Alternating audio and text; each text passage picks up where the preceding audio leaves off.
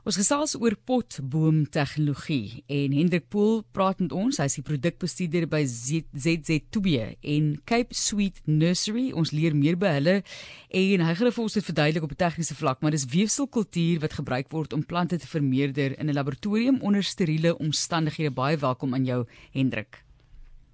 Hallo Marklees.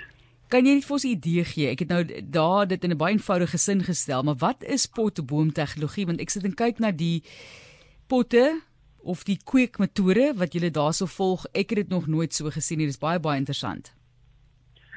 Marcelies, dis eintlik maar waar ons net bome ehm um, in houers, in sakke of in papierpotte begine kweek het in plaas van om dit in die grond te doen soos wat 'n konvensionele kwekery dit sou doen.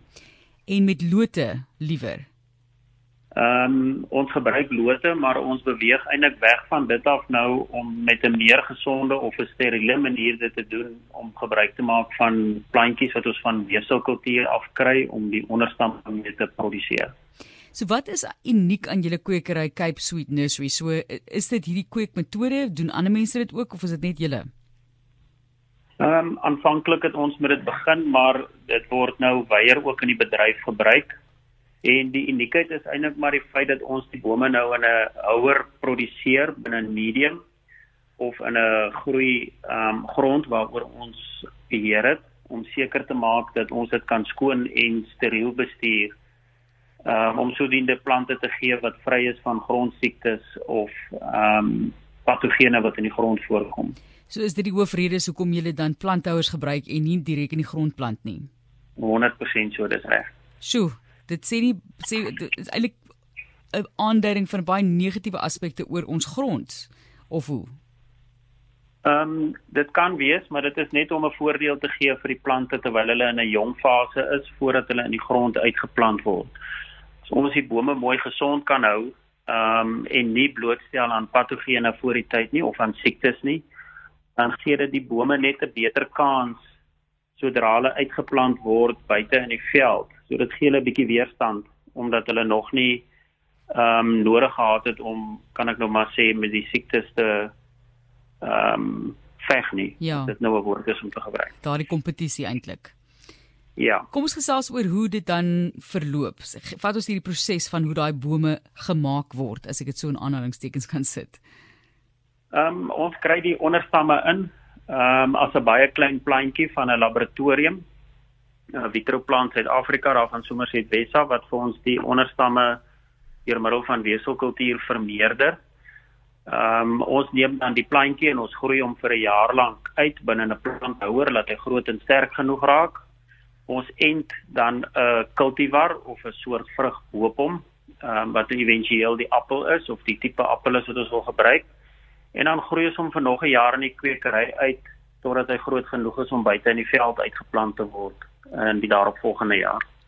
Gesels met ons oor onderstamme asseblief Hendrik. Ek het nie idee wat dit is nie. Wat is dit en hoe word dit gebruik om daardie uitdagings wat jy uitgewys het van grond byvoorbeeld aan te spreek? Die onderstam is die deel van die boom, kan ek nou maar sê wat die wortels het wat binne in die grond geplant word.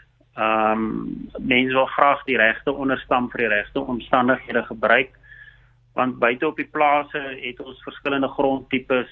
Ehm um, ons het verskillende klimaatsomstandighede en ehm um, siekte en plaagbeheer druk wat ons op 'n meer kan ek nou sê omgewingsvriendelike manier wil aanpak. So onderstam is die deel van die boom waar ons sy genetika of sy genetiese eienskappe gebruik om vir ons daai voordeel te gee. Soos jy nou 'n nat grond is, dan sal jy 'n bepaalde onderstam kies of as jy op 'n sandgrond is, sal jy 'n ander onderstam kies, maar so ook wanneer ons boorde hervestig, dan is die siekte druk op daai grond maar net 'n bietjie hoër en dan kies ons onderstamme met uh, weerstand of ehm um, ja, met weerstand teenoor daai siektes. Ehm um, wat vir ons dan help om makliker in daai omgewing met appels of vrugte te kan boer. Hoekom spesifiek dan ook verskillende kultivars? Die kultivars ehm um, wat ons bo op die onderstamme sit, ehm um, mense ken mos nou maar appels, is geel, groen en rooi appels daar buite, maar daar's 'n klomp verskillende kultivars wat ons kan kry. Ehm um, met verskillende smaakprofiele en verskillende gebruike vir die verbruiker. Party appels bak beter, ander appels ehm um, is beter om te eet. Maar vir die produsent het dit ook voordele omdat dit ons um oesseisoen lekker kan uittrek. Ons kan al hier in Februarie, Januarie, Februarie begin oes en ons kan aanhou groei tot in Mei maand toe om vars appels vir die verbruiker te gee. En verskillende kultivars is beter aangepas weer by verskillende omstandighede en omgewings. Um warmer areas en koeler areas en dit gee net vir ons daai um vermoë om op 'n groter omgewing met vrugte of appels te kan boer. Ons gesels oor sogenaamde potboom tegnologie en die voordele daarvan.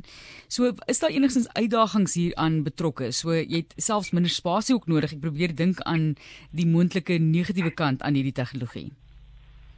Ehm um, ek dink spasie is seker ons grootste uitdaging want ehm um, ons doen dit in 'n beheerde omgewing of in 'n nethuis uh, binne 'n struktuur met die potte of die houers. So ons is beperk tot ehm um, die hoeveelheid wat ons kan doen Uh, ons kan nie vloeg en plant soos 'n boer buite in die grond nie. So as ware is ons seker bietjie in die in die eiendomsbedryf ook as ek nou so mag stel waar ons het net 'n beperkte spasie binne in die kwekery waar binne ons kan werk, ehm um, waar ons die omgewing kan bestuur om die groei omstandighede vir die bome so ideaal as moontlik te maak. Ehm um, om te seker te maak op daai manier dat ons met 'n mooi sterk plant uitgaan buitentoe.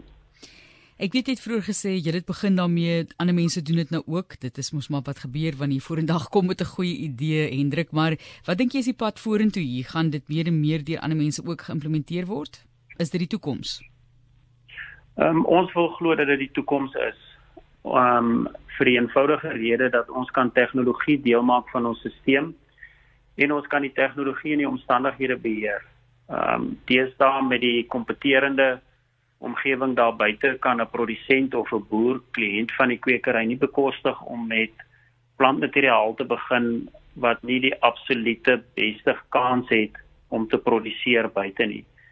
Die weefselkultuur saam met die potboom tegnologie gee vir ons die vermoë om goeie sterk plante te produseer, maar dit gee ook vir ons die vermoë om vinnig veranderinge te kan maak ten opsigte van nuwe kultivars wat uitkom of nuwe onderstamme wat uitkom sodat ons dit vinnig kan vermeerder en sodanig eintlik baie vinniger verandering buite in die veld kan maak waar ons met die bome boer.